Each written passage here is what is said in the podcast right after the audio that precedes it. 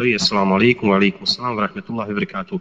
Da li je čurs utemeljen sunnetom u džamijama? Kažete nam, molim vas, nešto više o tome, jako nam je bitno zbog džemata.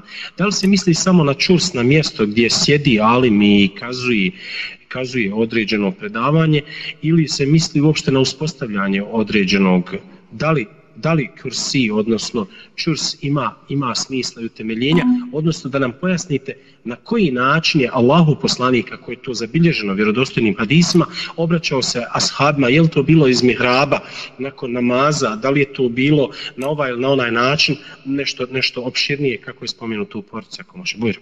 Nije mi poznato da čurs ima nekakvu osnovu u šerijatu, niti da je to bilo vrijeme poslanika, niti u vrijeme odabranih generacija. I također, ovdje, budući da smo se dotakli već pitanja mihraba, možemo spomenuti da isto tako mihrab u islamu, da je to novotarija. Mihrab u islamu je novotarija i nema osnove.